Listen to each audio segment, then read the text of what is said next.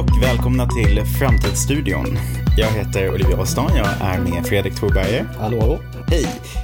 Um, som vissa av er har märkt så har vi ju inte släppt något avsnitt om uh, Vänsterpartiet och det beror ju på att vi spelade in det tidigare men uh, ljudet blev så pass dåligt att vi bestämde oss för att spela in det igen. Oacceptabelt alltså. Oacceptabelt, det måste ju vara lite proffsigt. Mm. Um, det har ju varit lite eh, fullt upp, minst sagt, här tänker jag på Almedalen. Eller? Vad tycker du Fredrik? Du, du ser lite trött ut. Ja, men det är det faktiskt. Jag har inte sett en minut av någon annan seminarium faktiskt, för det har varit så mycket annat att göra så med poddar och eh, moderering och deltagare. Men det har varit jättekul. Jättebra. Hur många har du modererat? Ja, vi har ju, varje morgon har vi kört eh, varje morgon. Kairos, ja, fyra. Och sen, ett... och sen lite inspelningar med poddar, vare sig de kom ut eller inte. Och sen har jag själv varit med i en panel också. Precis. Han om skolan, det var roligt hos EY. Tack för det Sara, det var trevligt. Ja, eh, och då ska vi prata om Vänsterpartiets eh, väljarprofiler idag. Vad kan man säga om dem, Fredrik? Precis, vi pratar alltså om de eh, respondenter på enkäten till Morgondagens medborgare 2, en stor studie vi gjort här under våren. I maj månad svarade de på frågan vilket parti de skulle rösta på om det var val idag. Och de då som säger att de skulle rösta på Vänsterpartiet har vi sen, vill vi sen här nu återge lite grann vad, vad som kännetecknar dem som medborgare, hur de ser på samhällskontraktet. Då. Och om vi först, först, först lite bakgrundsdata så är ju Vänsterpartiets eh, sympatisörer ungefär vad man kan vänta sig kanske. Något fler av de yngre, något fler jämfört med snittet som bor i en hyresrätt, lite färre villa och radhus. Eh, de är ju också globalister, så som eh, socialismen har alltid varit i någon mening. Det är alltså 72 procent av dem är globalister jämfört med 55 procent av svenskarna. Och hur vet vi att de är globalister? Ja, vi har helt enkelt frågat dem rakt upp och ner så har de fått svara på detta.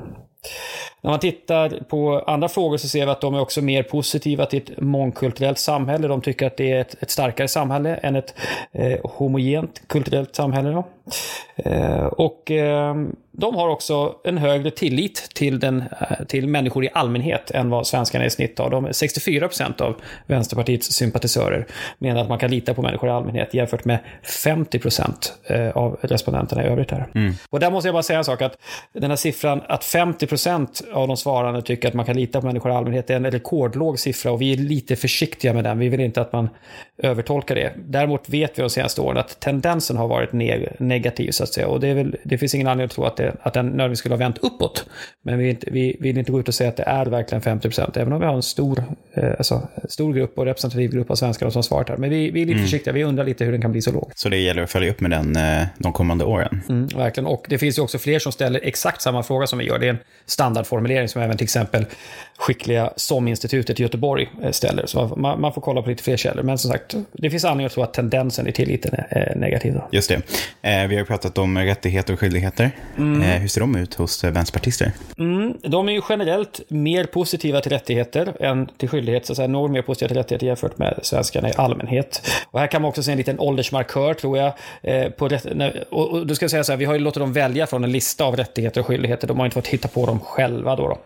Eh, och då kan vi se till exempel att eh, de här ofta då lite, lite yngre väljarna i genomsnitt, eh, sympatisörerna, de är mer positiva att man ska få studiebidrag oavsett om liksom, utbildningen leder till något jobb eller inte då, i, ja, sannolikt då. Och sen är de också mer positiva till att man ska ha rätten att utöva sin religion, även om den då traditionellt inte kanske hör hemma i det här sammanhanget då, utan i det så. Mm. Så att, sen tittar vi på skyldigheter, då är man mer positiv än snittet. det är 60 procent av, av de här sympatisörerna som tycker att man ska kompensera sina eh, miljö, alltså sin, vad ska jag säga, sitt miljöslitage med skatter och avgifter. Att det borde, det borde vara en skyldighet att göra det. Mm. Klimatkompensation och så vidare. Är det något som var, när ni ställde frågan, var det riktat mot privatpersoner eller var det aktörer i samhället? Ja, vi frågar ju vad som ska vara rättigheter och skyldigheter för den svenska medborgaren. För en svensk medborgare, ja, Så okay. det är ingenting, egentligen ingenting alls om företag och så. Ja. Mm. Men vi ser också en skyldighet där, de, där man inte eh, är överens med svenskar. Det är, de är eh, 11 procentenheter mindre eh, benägna att tycka att det är en skyldighet att försvara sitt land. Så att här, här är så att säga, beredskapen att gå ut i krig för Sverige, eller inte gå ut i krig, utan snarare kanske försvara i Sverige. Eh, den, den, är något svagare här bland svenskar i allmänhet. Och det, det, gäller inte bara vänsterpartister, men det, men det gäller dem, absolut. Är det något som man hittar på, mer på vänstern, eller du sa att det var, det var inte bara de som har den här typen av benägenhet? Ja, nej, det finns, det, finns, det är snarare, det, det, det, finns en viss höger-vänster-dimension i det. Det finns ju också en åldersdimension. Absolut, ah, den, ja. den ska jag påstå är starkare. Den är, där, ja. där militärtjänstgenerationer, eller lumpengenerationer och baby boomers generation X är, är något mer positiva till att man ska försvara sitt land. Just det. Mm. Men eh, digitalisering då? Det är någonting vi har pratat om. Ja, precis. Vi försökte i den här studien fånga attityder kring digitaliseringen och, och inte minst om man på någon slags övergripande nivå förstår digitalisering, varför vi ska hålla på med det, att det ska vara någon nytta med det då. Eh, och då har vi bland annat ett påstående man eh, får ta ställning till om att det är bra, det blir bättre för både mig och samhället om myndigheter, vård, skola, omsorg och så vidare är duktiga på att använda ny teknik då. Och då är man något mindre positiv till det än genomsnittet. Eh, så att där kan vi se eh, det. Men däremot så eh, frågar vi också om beredvilligheten att dela data. Eh, till exempel från en telefon eller något annat som, gör, som visar hur jag beter mig. Är man beredd att dela data för att eh, till exempel planera kollektivtrafik? Och det är man mer positiv än, än allmänheten faktiskt. Och det är intressant det här med dela data-perspektivet. För just det här med kollektivtrafik och även eh, frågan om man skulle kunna tänka sig att, att, att, säga, åka med kollektivtrafik som, som levereras av ett AI, alltså att det sitter en maskin och kör, då, eller sitter och sitter. Det är en automatisk fordon, så att säga. Just det med trafiken, det, det är liksom en ganska eh, särskiljande, där, där har folk väldigt olika åsikter. Mm. Vissa är inte alls beredda att åka automatiskt eh, kollektivtrafik. Då. Det har lite, lite med ålder att göra, viss tendens med kön, där kvinnor generellt är mindre positiva till teknikanvändning än män.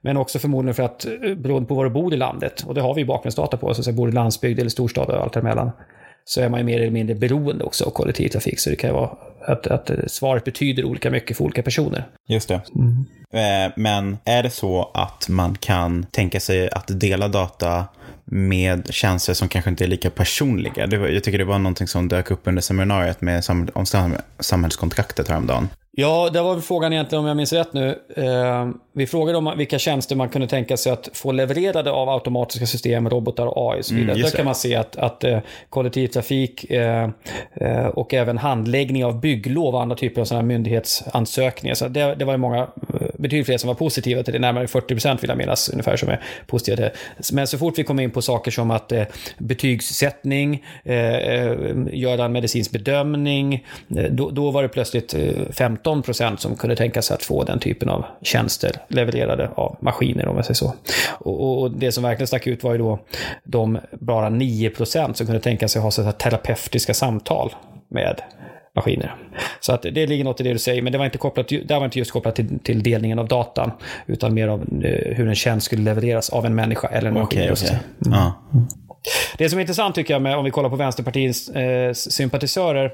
Eh, ibland har ju Vänsterpartiet, speciellt kanske av äldre generationer, då anklagats för sitt kommunistiska arv och hur kommunismen har haft diktatorer. Då, så att säga. Och då är det ganska intressant att vi, vi noterar ju tyvärr att stödet för att ha en stark ledare som inte bryr sig om riksdag och politiska val, det stödet ökar ju med, med eh, vill jag minnas, ja, strax över 10 procentenheter mellan studien vi gjorde 2018 och den här studien. Okej, okay, så eh, kan du bara upprepa hur ni ställde frågan frågan? Ja, här är ett, antal, ett alternativ till eh, dagens styrelseskick. Eh, vad anser du om dem? Och då kan man välja att svara att det här är en eh, mycket dålig idé, ganska dålig idé, eller ganska bra eller mycket bra idé. Och då var ett alternativ då att ha en stark ledare som inte behöver bry sig om eh, riksdag och politiska val. Okej, okay, och där är det... Och den har ju då ökat något, eh, så att det är ju... Eh, men det som är intressant här är att faktiskt att Vänsterpartiets sympatisörer, de är ju eh, 22 procent av dem är positiva till att ha en så här stark ledare. Alltså de har svarat att det är ganska eller mycket bra jämfört med svenskarna i allmänhet 33 procent. Så det betyder ändå tvåsiffrigt lägre ja, det är det. Eh, det, är det precis. Så att där, där skiljer de sig. De är eh, mer vaccinerade mot någon slags diktatur då kan man tycka jämfört med andra grupper. Då. Och det är kanske inte är helt självklart för de som har varit kritiska till eh, styre från, från centrum i, i någon slags socialistisk eller ja, kommunistisk version. Då. Hm. Mm. Okay. Det, detta om vänstersympatisörerna, eller Vänsterpartiets sympatisörer. Ja, men det var, hur, hur ställer de sig till det här med just att, eh, att man ska få ta, ta del av information om en produkts påverkan? Ja, det var en fråga vi hade. Det var en ny eh, rättighet som vi testade i den här studien. Så att, säga, att ja. man skulle få eh, oberoende och jämförbar eh, information om en, miljö, om en varas miljöpåverkan. Precis, och, jag tänker nu när vi ändå är inne på hållbarhet. Ja, precis. Och där sticker de inte ut. Eh, och jag kan säga så här, det finns ju små variationer mellan grupperna hela tiden. Ibland är det 2 procentenheter, 7 och så här. Och jag, jag lyfter inte de som är under 5 procentenheter. Nej, nej. nej. Men det är ju rätt. Ja, så att eh, det sticker inte ut på det sättet, nej. Okej, men då så. Eh, vet vi någonting om deras eh, engagemang? Eh, ja, det är så att av svenskarna i allmänhet så är det 32 procent som svarar att de är engagerade i enskilda frågor då och då. Det är ett av alternativen man kan välja så att säga. Men bland eh, vänstersympatisörerna så är det alltså 11 procentenheter fler. Så att de är nästan, eh, de är 30 procent högre på det värdet kan man säga som grupp. Då. De är uppe i 43 procent som är engagerade i enskilda frågor då och då. Så att det är lite mer samhällsengagemang på det sättet. Ehm, och eftersom vi tycker om att prata framtid, vad, vad tror du? I Europa har vi ju sett eh, en liten återkomst av vänsterpartier lite runt om i, i olika delar, södra Europa. Ehm, Sydamerika också, ska vi säga. Sydamerika också, Ja. absolut. Så att, eh, ja, precis. Så här är en sak som jag tycker är intressant när vi tittar på, på vänsterpartier. Så att det här är ju en... Vad ska jag säga? Vänsterpartiet ligger ju nära politiska idéer som under 1900-talet har visat sig ha katastrofala konsekvenser ibland när de dras till sin extrem. Alltså, eh, det har det funnits dåliga konsekvenser av, av högerpolitik i allra högsta grad. Eh, men, men kommunismen har, står ändå väldigt högt på topplistan över misslyckade samhällsbyggen. Eh, men då kan man tänka sig, vad, vad spelar det för roll med det kollektiva minnet? Alltså vilken betydelse har det att man nu har människor som aldrig har varit i närheten av en kommunistregim, om de inte varit på Kuba eller Nordkorea. Men annars så, liksom, så har, har de egentligen inte det intrycket. Hur, gör det att man är mer öppen för de här idéerna? Inte nödvändigtvis mer öppna för kommunism, det är inte det jag säger, utan bara att det inte är lika laddat längre. Medan baby boomers i generation X, där har ju så här, kommunismen, den har ju av förklarliga skäl också dömts ut och fått väldigt mycket kritik och man har försökt få Vänsterpartiets företrädare att av, liksom, avsäga sig kopplingen bak till när de var eh, Sovjetvänliga och så vidare.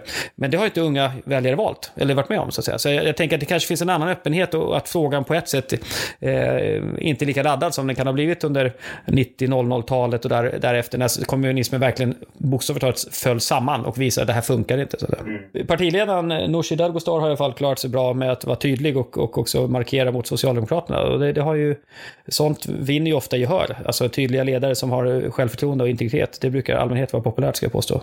Så att, eh, det är väl också en faktor naturligtvis i, det- korta perspektivet.